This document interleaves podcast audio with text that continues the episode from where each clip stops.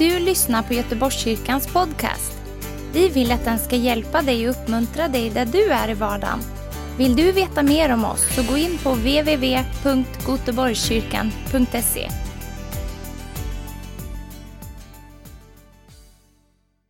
Förstår ni va? Så när jag läser Bibeln så är ju inte bara det att, att jag läser massa text utan det är också relation med Gud. För att ordet står det i Johannes kapitel 1, ordet blev kött och tog sin boning bland oss. Så att vad är det som händer? Jo, det är ju, ordet är ju synonymt med Jesus själv. Så att när jag läser Bibeln, ja men då är det ju, då umgås jag ju med Jesus, då, då har jag relation med honom. Och det är likadant när jag ber så har jag också relation med Gud. Så att därför så kan man säga att både ordet och bönen, de här två samverkar med varandra på ett fantastiskt sätt. Eh, Eh, att leda sig själv heter ju det här också och då kan man undra vad, vad hela världen handlar detta om. Att leda sig själv, hur gör man det? ja, är man kristen så, så behöver vi ha både ordet och bönen. Eh, ibland så tänker vi att ja, men nu ska vi be och så upplever man ett andligt genombrott i sitt liv och man liksom upplever Guds kraft och det är alldeles fantastiskt. Vi behöver be, vi behöver relationen. Men relation med Gud är lika mycket ordet, att umgås med Guds ord. Skulle jag vilja säga.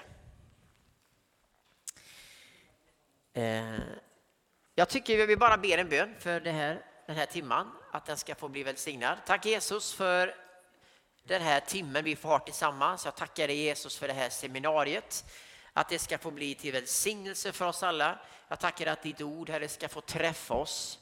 Tack Jesus att du välsignar var och en som sitter här inne. Jag ber att allihop bara ska få, få del av ditt ord, att kunna gå härifrån styrkt och ha fått någonting ifrån dig själv. Jag tackar dig Jesus att du är här. Jag tackar dig helige Ande för din värme och din kraft över oss alla. I Jesu namn. Amen.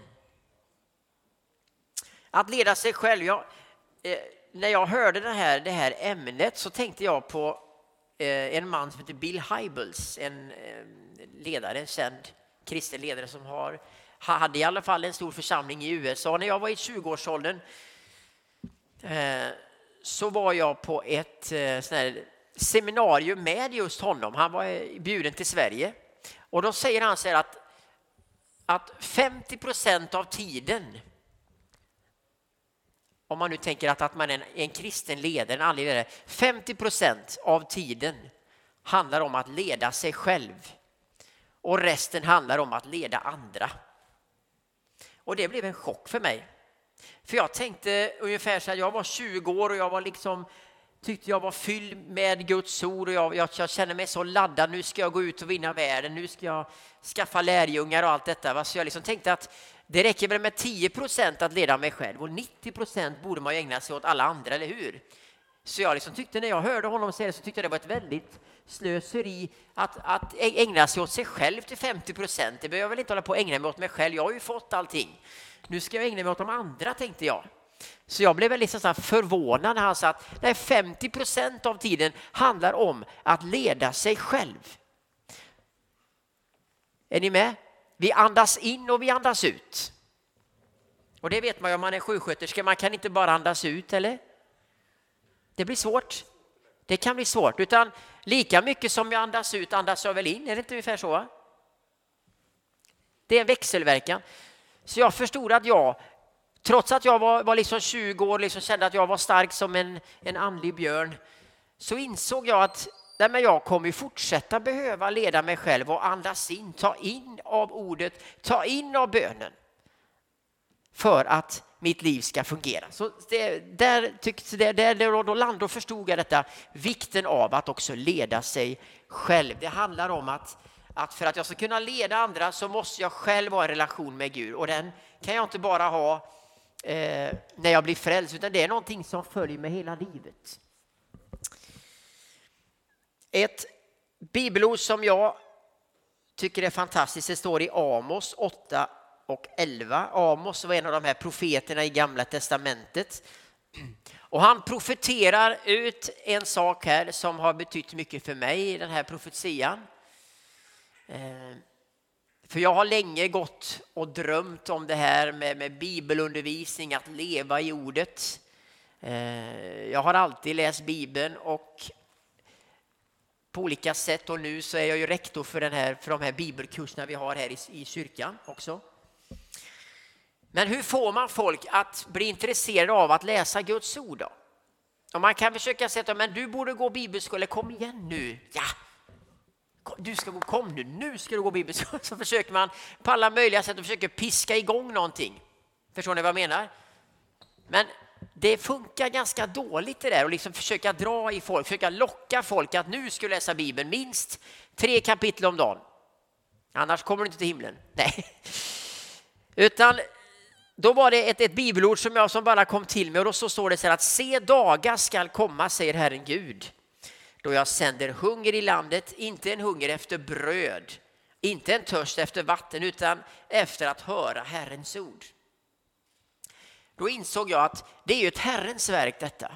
Att Gud börjar dra i oss, Guds ande börjar röra vid oss och då vill vi bara höra mer av Gud. Om du har fått lära känna Kristus, frälsaren, då vill du bara ha mer av honom hela tiden. Så det är andens väg. Gud drar oss till sig. Och den där hungern kommer när du börjar närma dig Gud. När vi närmar oss Gud så närmar han sig oss, står det i Bibeln. Va? Och den där hungern började jag få när jag var ung och jag bara ville ha mer. Jag ville läsa mer och mer och mer. Och så började jag läsa lite Bibeln och sen ville jag bara ha mer och mer och mer. Så utan hunger så vill man inte äta, eller hur? Jesus han säger att jag är livets bröd, säger han. Kom till mig alla ni som är hungriga. Ja, men om jag inte är hungrig då? Kom med nu till, till McDonalds här så ska vi ta och äta. Ja, men om jag inte är hungrig, jag har precis ätit. Jag är inte hungrig, jag vill inte ha, usch nej, jag är inte hungrig. Kom till mig alla som hungrar, ni ska bli mättade. Om inte det finns en hunger, vad gör man då? Då, då funkar det ju inte.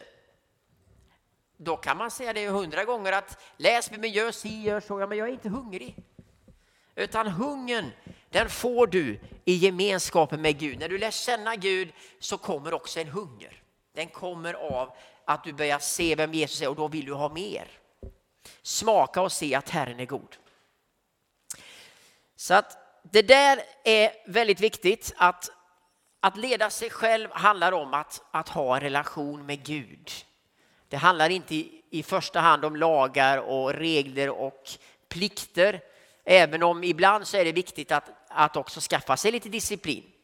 Ordet lärjunge det är ju disciple på engelska, så vi behöver lite disciplin också. Det, det tror jag. Man kan ha vissa, liksom att, att, att man läser en bibelläsningsplan eller man, man liksom följer någonting. Det är också bra. Men i grund och botten så handlar det om att Gud sänder en hunger. Och det gör han. Och när vi får del av den hungern, när vi öppnar oss för Gud, då kommer vi vilja bara ha mer och mer.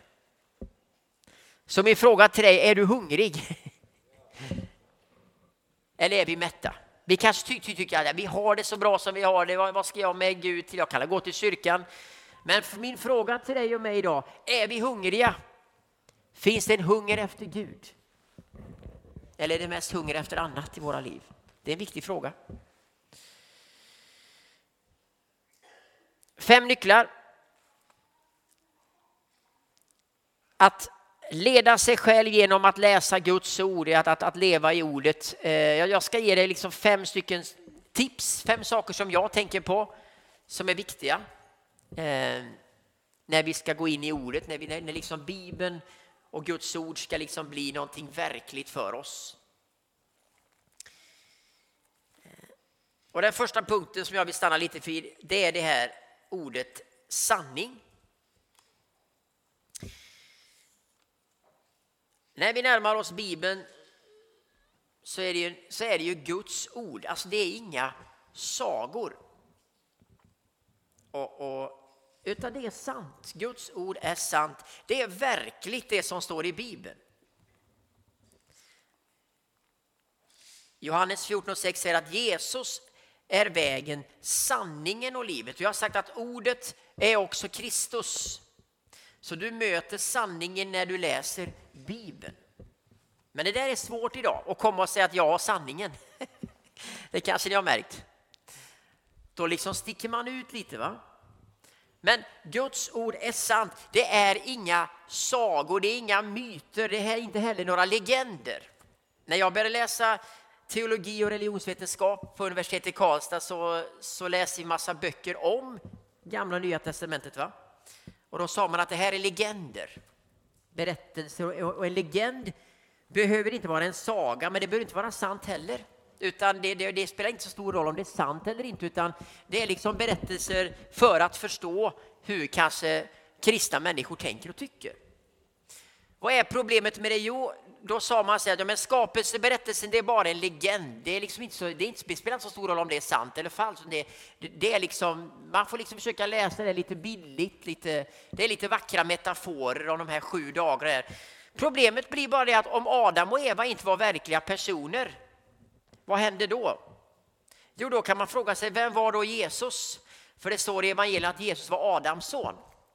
Förstår ni tanken? Om de inte var verkliga människor, om de inte var kött och blod, ja men vem är då Jesus? Var Jesus också en sagofigur då? Och då finns det en del människor som säger, men det, det viktiga är det andliga när man läser Bibeln, men så är det inte. För det är inte den där kristna där, utan det står att ordet blev kött. Jesus, han var kött och blod. Så att det är farligt om vi börjar och liksom tänka liksom som om att, att, att Bibeln egentligen, det, det, spelar ingen roll om det är sant eller inte. Bara det är liksom viktigt för mig. För att det är en sanning att Jesus dör på korset. Vad var det då? Då säger Paulus, om han inte dog på det här korset, om inte det är verkligt, om inte det har hänt, om inte det är en historisk verklighet, ja då är vi de mest ömkansvärda, säger Paulus. Då är vi liksom utan hopp. Så att vi måste förstå att när vi närmar oss Bibeln så är det sanningen vi möter. Och det är, skulle jag säga, oerhört viktigt. Så att där, och även om jag inte, även om inte jag kanske förstår allt i Bibeln, för det gör ingen av oss, vi kommer inte förstå allt förrän vi kommer till himlen, så är det viktigt att förstå att det kan vara sant ändå, även om inte jag har erfarenhet av det. Det är viktigt att förstå. Att det är en objektiv sanning, det är, det är sant, Gud är evig, han är fullkomlig och hans ord är evigt och fullkomligt. Även om inte det är sant allting för mig, även om inte jag har erfarenheter av allt som står i Bibeln, så är det sant ändå. För Gud är mer sann än vad vi är. Förstår ni grejen? Så det här är sanningen vi möter. Vi behöver ödmjuka oss inför det faktumet att Bibeln, det är Guds ord. Det är skrivet av vanliga människor eh, som har varit inspirerade. De har skrivit, så det är liksom inte ord för ord som Gud har. Liksom, det, är, inget citat ord för ord från Gud, men de som har skrivit det har varit inspirerade av Gud. Och, och börjar vi säga att vissa saker är Guds ord och vissa saker är inte Guds ord, då är vi ute på väldigt far, farlig mark. När vi säger, försöker dela upp på det sättet. Utan du möter sanningen när du möter Bibeln. Och du kanske inte förstår allt du läser, men då får vi ödmjuka oss in, in, in inför Gud och inse att det är sant ändå. Vi fortsätter. Spökar den här lite, eller nej? Låter det bra? Ska den längre ut? Upp. Så. Och in mot munnen. Är det bättre så? Ja, vi kör på det. Det andra som jag skulle vilja säga nu när du ska närma dig Bibeln, för det första så är det sanningen du närmar dig. Vi, får oss, vi måste ödmjuka oss. Även om inte jag förstår allt så är det sanningen vi möter och där måste vi ödmjuka oss inför.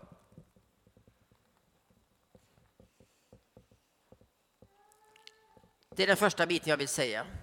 Den andra jag vill säga det är att vi behöver läsa hela Bibeln. Summan av ordet ger sanning står det i psalm 119 och 160. Och sen när du kommer hem ska du läsa ett väldigt bra bibelord och det är Kolosserbrevet 3 och 16. Ett av mina favoritställen. Där står det att låt Kristi ord bo hos er, Duell på engelska, bo hos er med hela sin rikedom och med all sin vishet. Alltså låt Kristi ord bo hos er med hela sin rikedom och med all sin vishet. Alltså hela rikedomen, hela visheten, Visst, vi vill ju ha hela rikedomen. Vi vill inte bara ha en liten del, utan vi vill ha allt. Och det är så Gud har tänkt. Vi ska läsa hela Bibeln.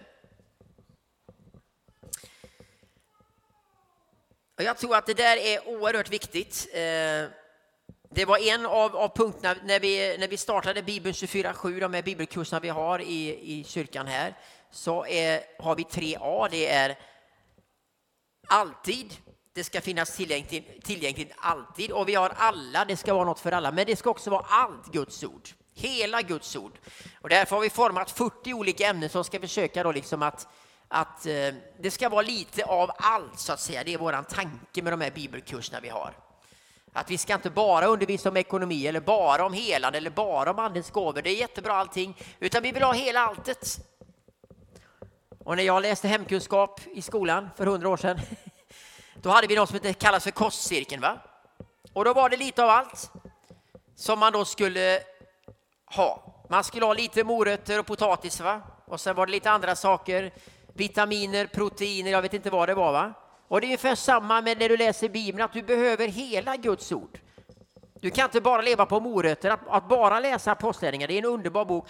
Men om du bara läser Apostlagärningarna hela tiden, då är det som att du bara äter morötter hela tiden. Räcker det bara att äta morötter? Till slut får man långa öron, va? Det blir en kanin. Vi behöver helheten, mina vänner. Eh, det är oerhört viktigt. Så hela Bibeln skulle jag vilja säga är viktig att ta till sig. Och att vi läser både Nya och Gamla Testamentet.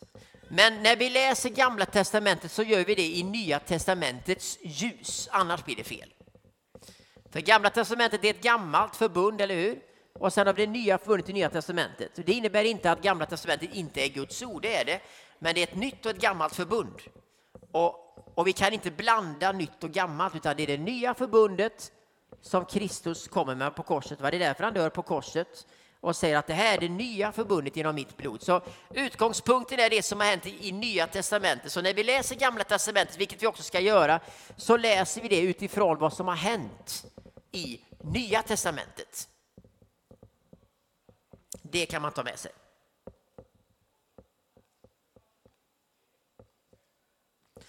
Historia. Tycker ni om historia? Ja. Eller tycker ni det är tråkigt med historia? Faktum är att det här är oerhört viktigt om vi ska kunna förstå Bibeln och om, om Bibeln verkligen ska bli någonting som vi, liksom, som vi lever i så måste vi också börja titta på sammanhanget, titta på bakgrunden. Och då kan man tycka, men det låter väl lite oandligt, det spelar väl ingen roll i, i vilken stad eh, eller vart Paulus skrev brevet till er, men Paulus var, jag ville bara ha Guds ord. Men, men faktum är att om du ska förstå vad Paulus säger när han skriver till, till församlingen Korint, så är det bra att veta vem Paulus var.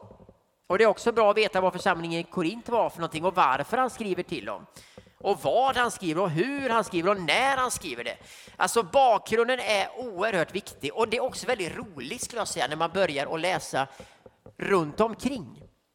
Förstår ni? För att man får en helt annan förståelse. Det, det, blir mycket mer roligt och mer intressant när jag kan läsa runt omkring. Så att det är oerhört bra att också läsa lite historia. Och nu kan man ju läsa väldigt mycket på internet. Det finns jättemycket bra kommentarer. Det finns bra bibelböcker också, kommentarer också, som hjälper oss att också få del av historien bakom.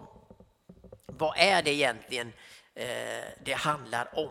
Så bakgrunden skapar jättemycket förståelse och historia. Och därför skulle jag säga att att läsa Bibeln i sitt sammanhang är viktigt. Att inte bara plocka några bibelverser här och där, utan läs gärna i allt i sitt sammanhang. Ibland så ser vi ett bibelord eller så, så gör vi, och, och då får man vara lite försiktig så man inte gör en, en för stor grej av, ett, en, av en enda bibelvers, utan läs gärna hela sammanhanget i så fall, om du ska förstå det hela, annars kan det bli ganska galet. Eh, utan sammanhanget, förståelsen är viktig. Va? Att läsa hela Bibeln, läsa historien bakom. På ett ställe så står det att, att kvinnan ska tiga i församlingen.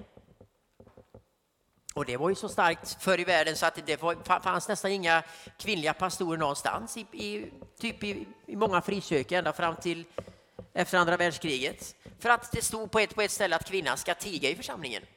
Och då vågade ingen eh, anställa någon kvinna. Så kvinnorna de satt och teg oftast i sina bänkar. Och det var ju bara för att man läste inte historien bakom, man förstod inte sammanhanget i, i just den situationen. Och man läser inte hela Bibeln heller, för det finns hur många bibelord som helst som handlar om kvinnor som talar vitt och brett och predikar. I Johannes 4 så har vi den samariska kvinnan som går in i stan och predikar för hela stan och tar med dem ut till Jesus och allting. Förstår ni tanken? Vad snett det kan bli om man bara tar ett litet, en liten bibelvers och sen gör en hel religion av det, eller en hel lära av det. Det är jättefarligt, så gör inte det. Det är sekterism. Utan vi läser hela Bibeln. Skrift tolkas skrift. Vi måste läsa hela Bibeln för att kunna komma fram till sanningen. Summan av ordet är sanningen. Och vi måste läsa historien bakom. Och då var det en speciell, specifik situation just i den församlingen som hade med kvinnor att göra. Och det, det, det, så det liksom spelar in i hela alltet när Paulus skrev just till den församlingen. Det kan vara intressant.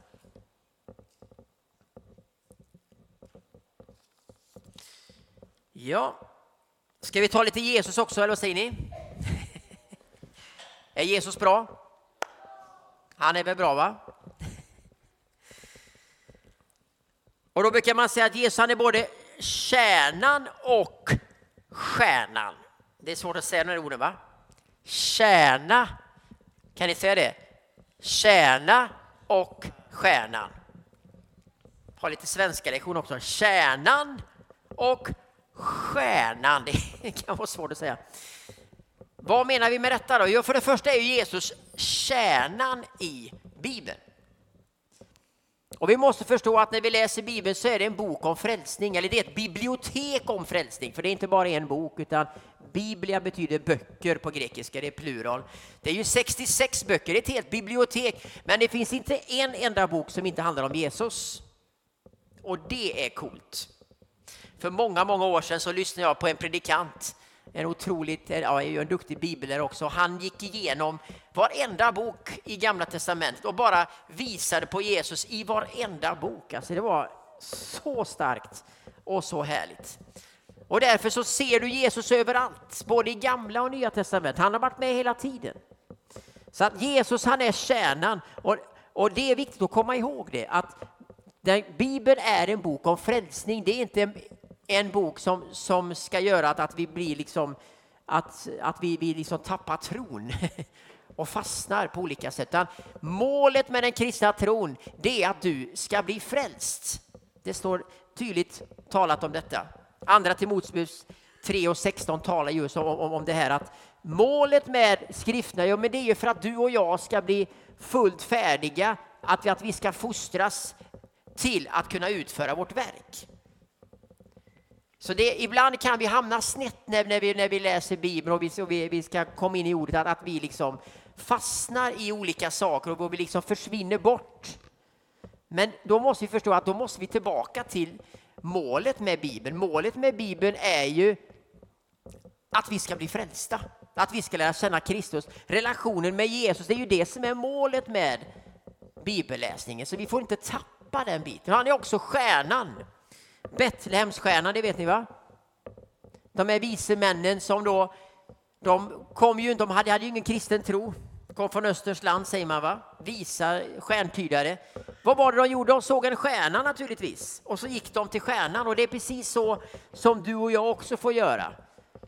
Oavsett om du är lärd eller vem du än är, om du är bonde eller eh, professor eller vad du än nu, vad du har för bakgrund.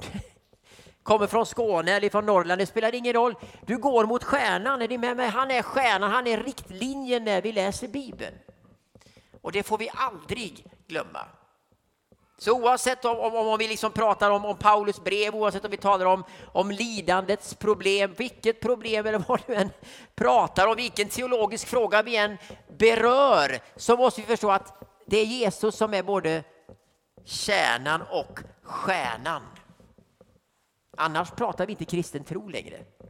För du kan skapa någon lära om allt möjligt. Och det gjorde man eh, de första 300 åren i den kristna kyrkan var oerhört eh, tuffa och det var så många problem på vägen rent teologiskt. Det fanns eh, teologer som sa att Jesus måste vara en halvgud exempelvis och en stor viktig lära. Tack gode Gud att, att man på liksom 300-talet satte ner foten i de här kyrkomötena och bara proklamerade vad den kristna tron handlar om. Så man kan komma väldigt, väldigt snett om man inte läser hela Guds ord, om inte Jesus, den sanne Jesus som vi möter i Bibeln och som vi möter i, i anden, eh, då kan det bli väldigt, väldigt snett. Ja. Sista punkten där då. Den helige anden, han är hjälparen och läraren. Första Johannes 2.20 säger till och med att smörjelsen, eller en bild på en helig ande, han ska undervisa er om allt. Ni behöver ingen lärare. Så jag skulle egentligen kunna gå och sätta mig. Det är väl bra. Ni har ju, vi har lärare och det, och det, det, det säger Bibeln att det är ju en, det är en tjänstegåva, en utrustningsgåva. Så, och vi ska undervisa naturligtvis, det är jätteviktigt. Men vi har också en överlärare och det är den heliga anden. Han är våran hjälpare, parakletos, förespråkare, hjälpare. Men, och han hjälper dig och mig i vår bibelläsning. Så med den heliga anden så blir det ofta väldigt bra. Så när du sätter dig och ska läsa Bibeln och du tycker det, jag vet inte om jag vill det idag, jag vet inte om jag orkar det, jag tycker det bara är torrt och tråkigt. Så börja med att tala med en helige ande. Säg att du får gärna sitta med mig här i, i soffan nu. Kom helige ande, sätt dig med mig här vid soffan. För nu ska jag läsa Bibeln och det här är svårt för mig. Jag tycker det är tungt. Jag tycker inte det är roligt kanske ens. För det kan vara så att ibland finns inte känsla där heller. Tala med den helige anden då lite stund. Be lite först och så kan du läsa ordet sen. För ordet och bönen, det samverkar.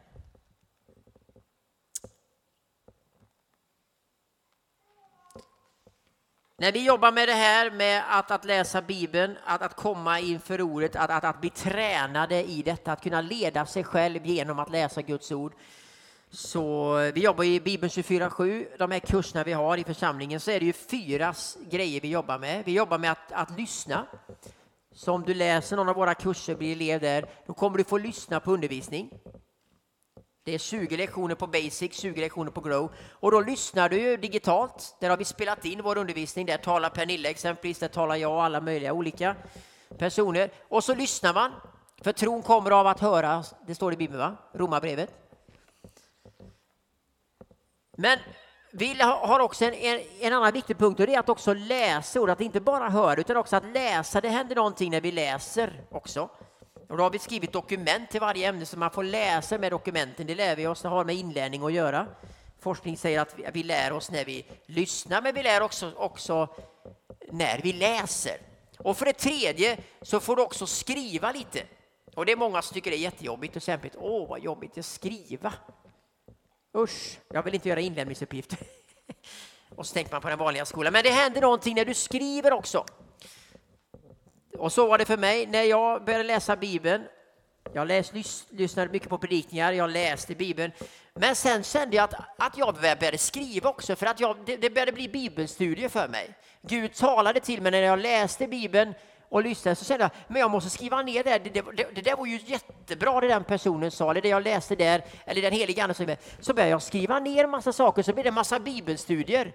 Och de bibelstudierna blev sen till dokument till den här bibelskolan vi har. Förstår ni grejen?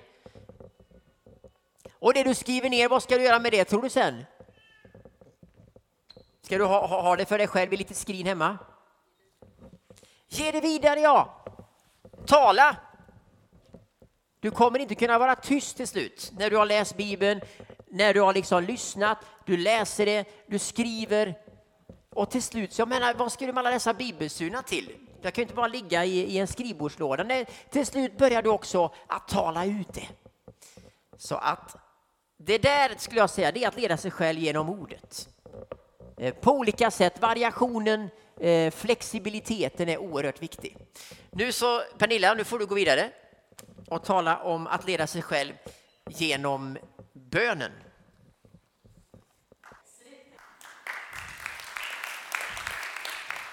Jättebra Frank.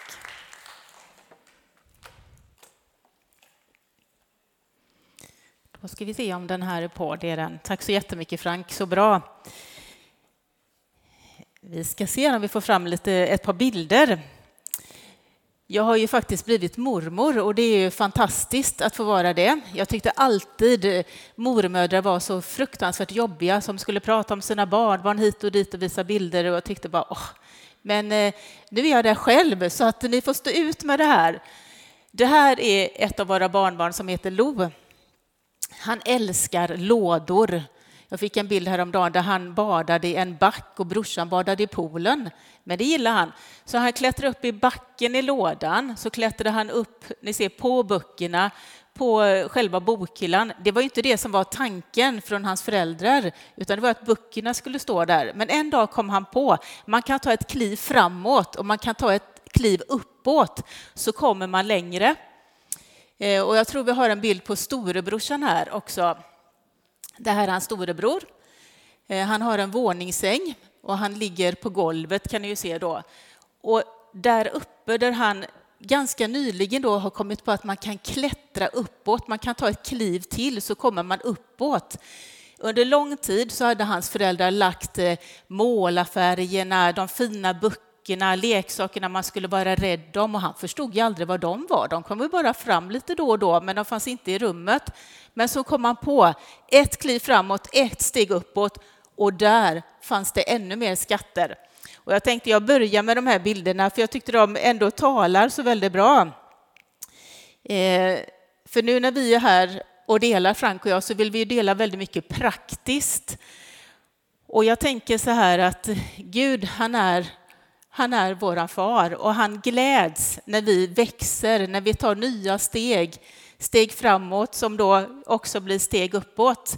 Och det är det man gör som förälder eller kanske som syskon, eh, moster eller så. När man ser ett barn som tar nya steg så är det helt fantastiskt. Och eh, jag ska försöka, eller jag har tänkt att det ska vara ganska praktisk undervisning om bönen. Och idag på morgonen så hade vi ett eh, fantastiskt bibelstudie, eller predikan ska vi säga, av Back, och där han också talade väldigt starkt om nya tider, att det kommer nya tider. Och jag tror att det också är tid för oss att ta nya kliv då, att växa, att mogna. Och ibland kan ju det låta lite jobbigt, men det är ju faktiskt också fantastiskt. Men inte alltid roligt, inte alltid lätt, tycker i alla fall inte jag. Och jag tänker att bön, precis som bibelläsningen, det är en viktig del att navigera rätt i livet. Att veta, liksom, få sin grund, men också veta var man ska gå. Och jag har tänkte börja med två stycken bibelord ifrån Jeremia. Det ena ordet är att jag ska leda dem där de går bedjande fram. Nu har jag faktiskt plockat bara lite från den versen. I Jeremia 33 och 3 så står det ropa till mig så vill jag förkunna för dig stora och förunderliga ting som du inte känner. Och vi lägger de här lite som grund därför att Gud, han vill leda oss. Han vill att vi ska gå rätt.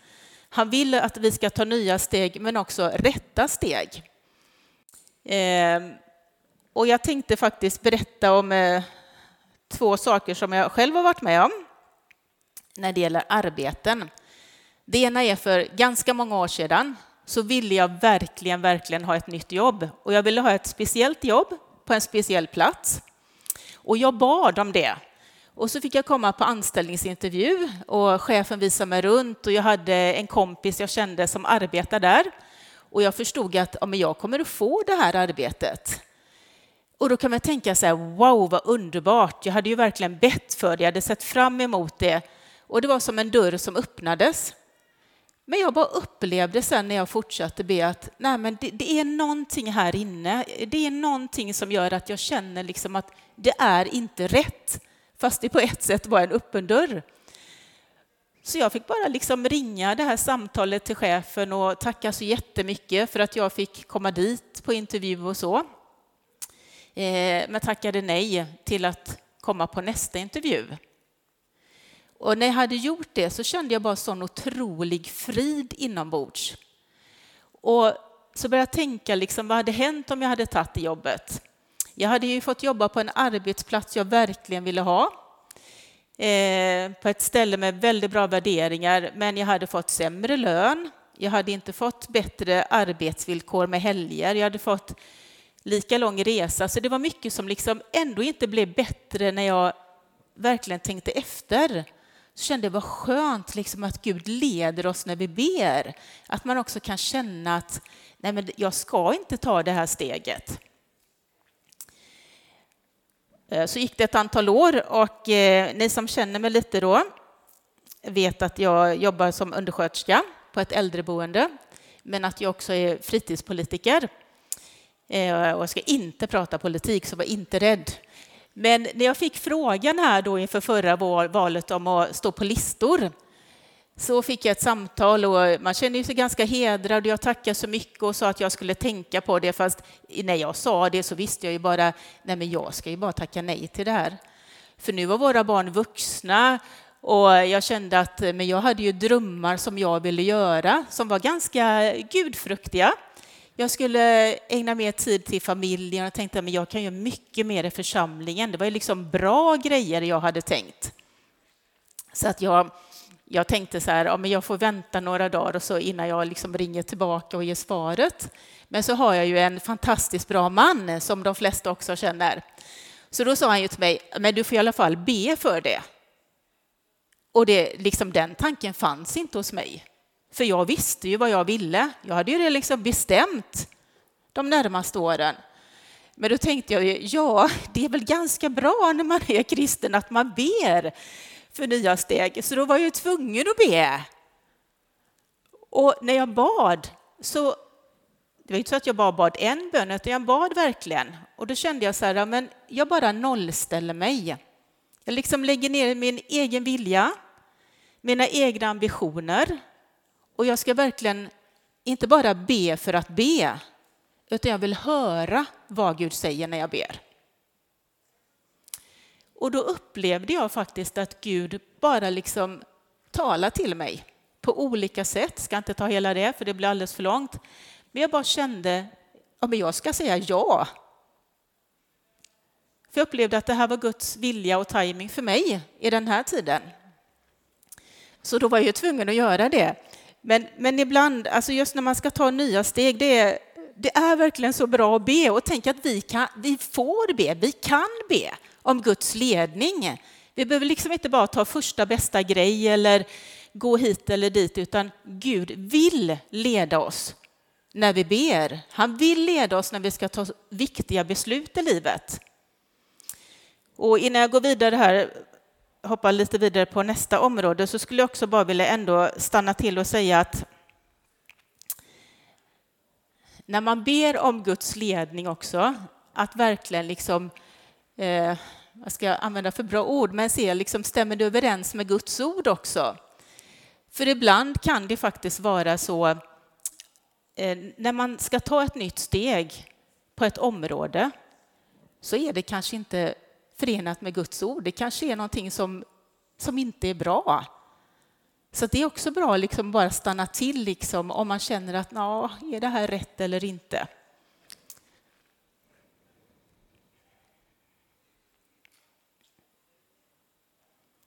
Vi ska se om vi får nästa bibelord här ifrån eh, Romarbrevet 1.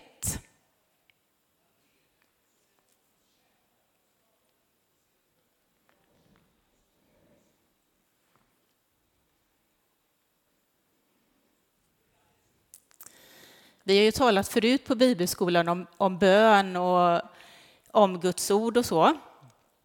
Och Gud han han längtar efter att vi ska vara nära honom. Han längtar efter att umgås med oss. Han gläds, skulle jag vilja säga, när vi tar tid med honom, när vi är inför honom. Att be, det är ju inte bara att rabbla massa ord. Ibland så kan man ju känna liksom, wow vad bra man har bett. Man har bett högt och man har bett kraftfullt, men det är inte så Gud tänker. Det är att vara i hans närhet, att vara nära hans hjärta. Ibland ber man högt, ibland har man inga ord alls. Ibland vet man inte vad man ska säga. Men att vara nära Guds hjärta, det längtar han verkligen efter. Ehm, och i Romarbrevet 1 så står det så här. Så förmanar jag er nu bröder vid Guds barmhärtighet, vid Guds barmhärtighet, att frambära era kroppar som ett levande offer som behagar Gud, er andliga gudstjänst.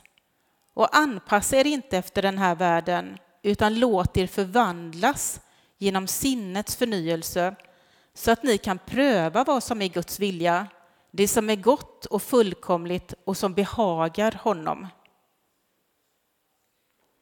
Att ge sig själv, att överlåta sig till Gud. Att bära fram sig själv som en andlig gudstjänst, det tror jag bland annat är när man läser Guds ord.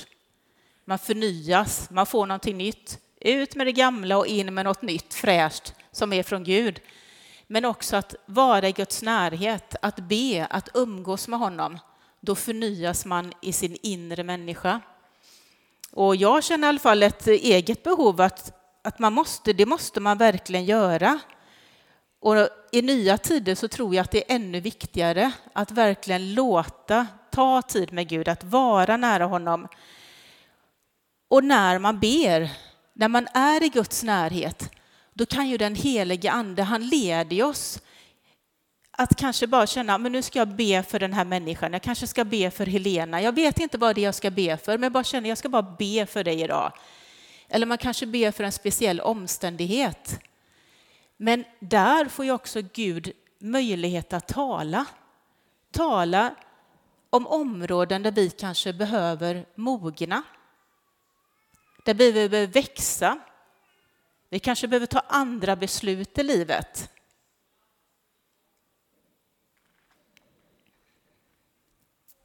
Att ge Gud tid och, om, och utrymme, skulle jag vilja säga.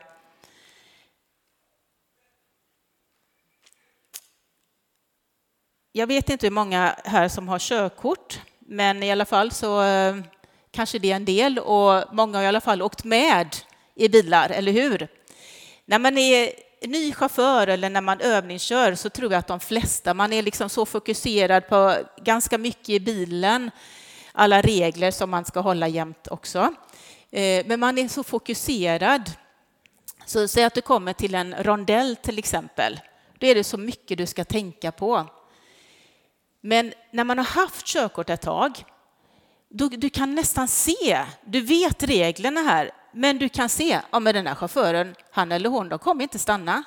Jag har företräde, men de kommer inte stanna. Så det bästa jag kan göra det är att stanna, för annars så krockar jag. Har ni varit med om det? Jag skulle vilja jämföra det lite med tankar.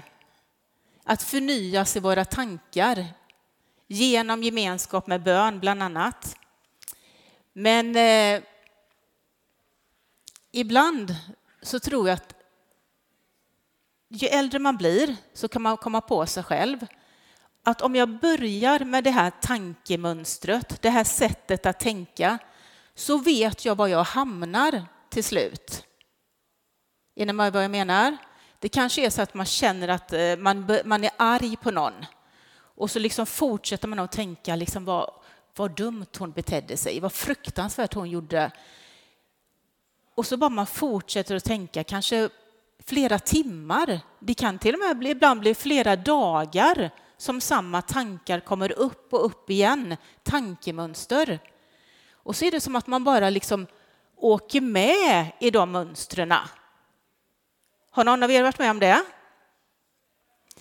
Men när man mognar, när man tar ett kliv framåt, så kan man göra någonting. När man kör den här bilen och bara ser att den här chauffören, den kommer inte stanna, så jag måste stanna. När man märker att vissa tankar kommer, då är det bra att bromsa själv. Och det är inte så lätt att alltid göra det själv, för man kanske är arg och man kanske har rätt att vara arg och upprörd. Men då är ju bönen så fantastiskt att bara ropa till Jesus, att bara ropa Jesu namn, att bara be den helige ande att alltså nu, jag behöver hjälp helige ande att bara bryta nu det här tankemönstret, för jag vill inte hamna här. För när man fortsätter att bara tänka och tänka, då skäl ju det ens kraft. Det skäl ens tid. Och det står i Fesebrevet 6 efter Guds vapenrustning, jag tror det där, att vi liksom alltid ska vara bedjande, att be ständigt. kan kommer tänka, men hur kan man vara det? Ja, det, det kan man ju kanske inte på ett sätt, men ändå kan man ju det. Att vi faktiskt alltid kan be. Och vi kan be till Gud, till exempel när det gäller tankar, att förnyas. Och när Gud talar, när den helige Ande talar till oss när vi ber, jag skulle vilja koppla det lite till bibelläsningen. Det kanske är ett område där man känner att här behöver jag faktiskt mogna. Här behöver jag växa. Här behöver jag få något annat, någonting nytt. Jag behöver kanske få en ny bild av Gud. Jag kanske behöver förstå, jag kanske behöver få bort min fruktan, min rädsla. Då är det ju så bra att verkligen be till Gud, be liksom heliga ande visa mig så jag får rätt bild. Och så kan man göra precis som Frank sa, man kan studera ett ämne i Bibeln. Man kan göra det tillsammans med den helige Ande, att be, att öppna sitt hjärta för Gud, att öppna sin ande för Gud och bara säga att nu, nu vill jag att du talar till mig, nu vill jag att du undervisar mig så att jag kan ta ett nytt steg. Så blir bönen och bibelläsningen som bra koppling att studera Guds ord.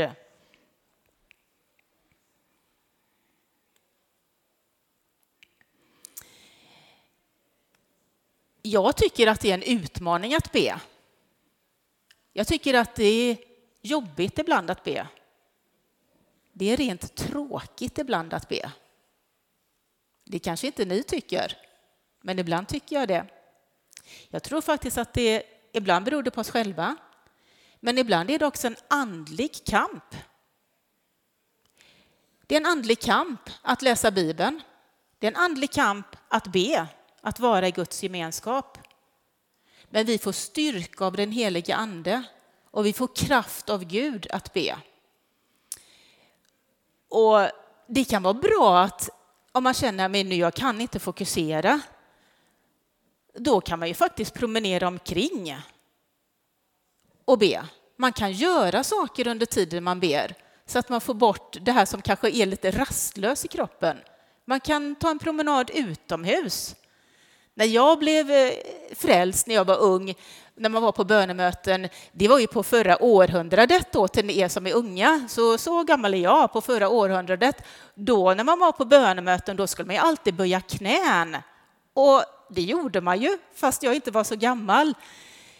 Men det är ju inte så att det är speciella mönster man måste göra, utan man kan göra på olika sätt när man ber. Men att be är viktigt, att umgås med Gud. Och jag skulle också vilja uppmuntra dig att, eh, att använda bönespråket, att be på sitt bönespråk. För den helige Ande hjälper oss. Ibland vet vi inte vad vi ska be om. Men då kan han också hjälpa oss och att komma igång att be på sitt bönespråk, det är fantastiskt.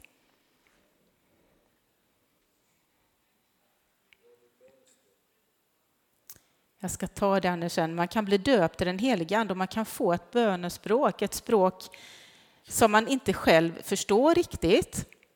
Det är som eh, en gåva som är för alla som tror.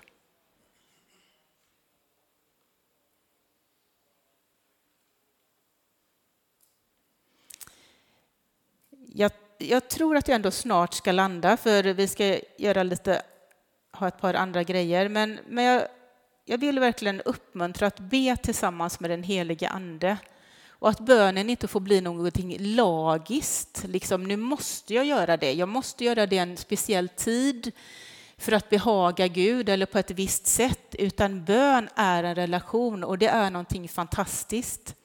Och det hjälper oss att ta nya steg, att våga, att få mod att ta nya steg. I första Timoteus 4 och 16 så står det så här var noga med dig själv, och det är det som du var inne på Frank också, och din undervisning. Och håll troget ut med detta. När du gör det frälser du både dig själv och de som lyssnar på dig.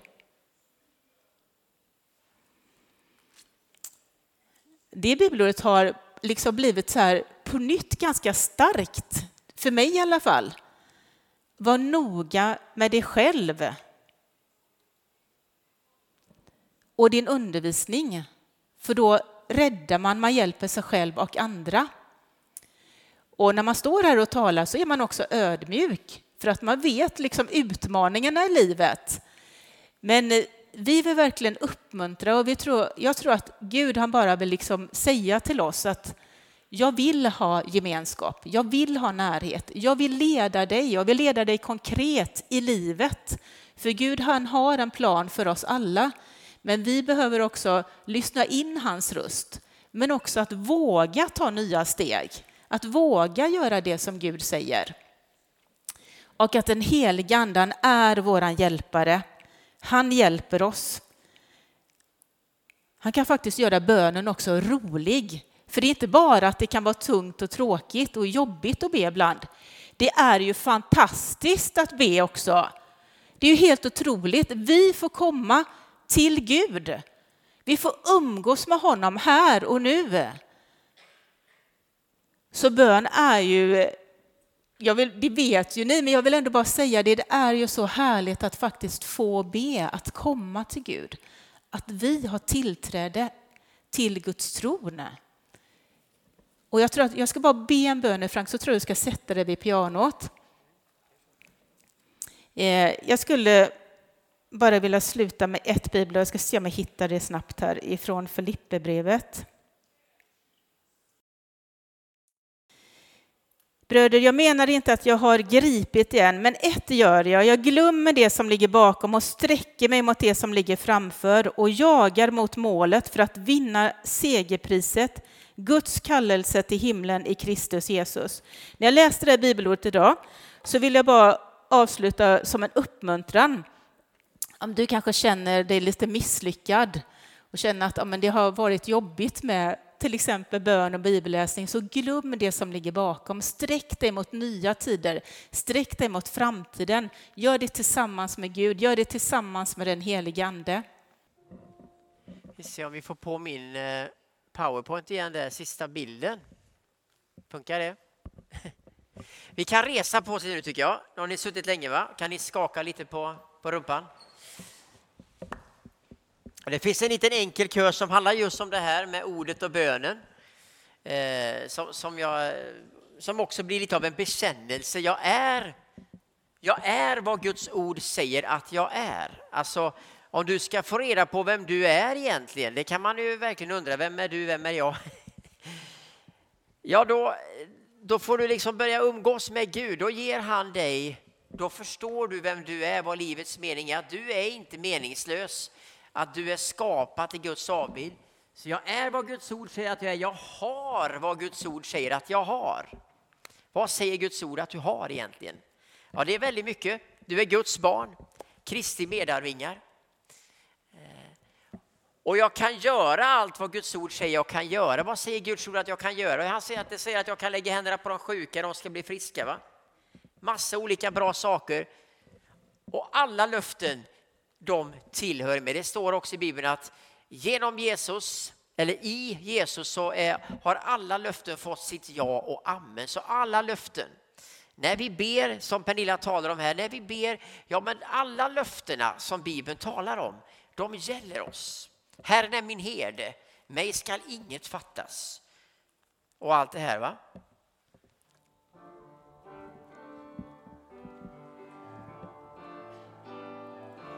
Jag är vad Guds ord säger att jag är.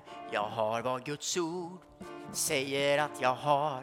Och jag kan göra allt vad Guds ord säger jag kan göra. Var med och sjung då. Och alla löften tillhör mig, de tillhör mig. Är ni med nu då? Jag är vad Guds ord säger att jag är. Jag har vad Guds ord säger att jag har och jag kan göra allt vad Guds ord säger jag kan göra.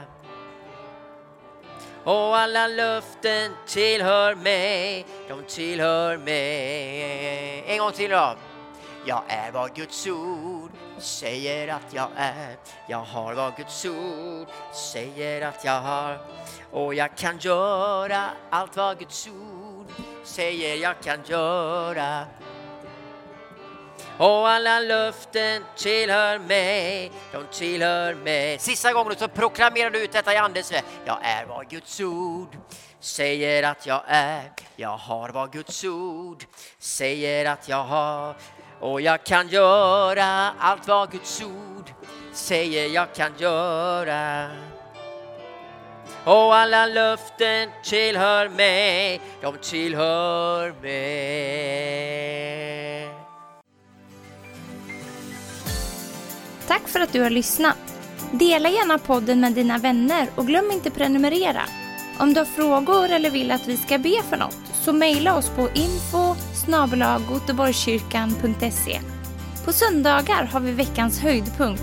Då firar vi gudstjänst tillsammans och det vore så kul att träffa dig där. Men vi har även samlingar för barn då? Gå in på vår hemsida goteborgskyrkan.se så får du veta mer. Välkommen till oss!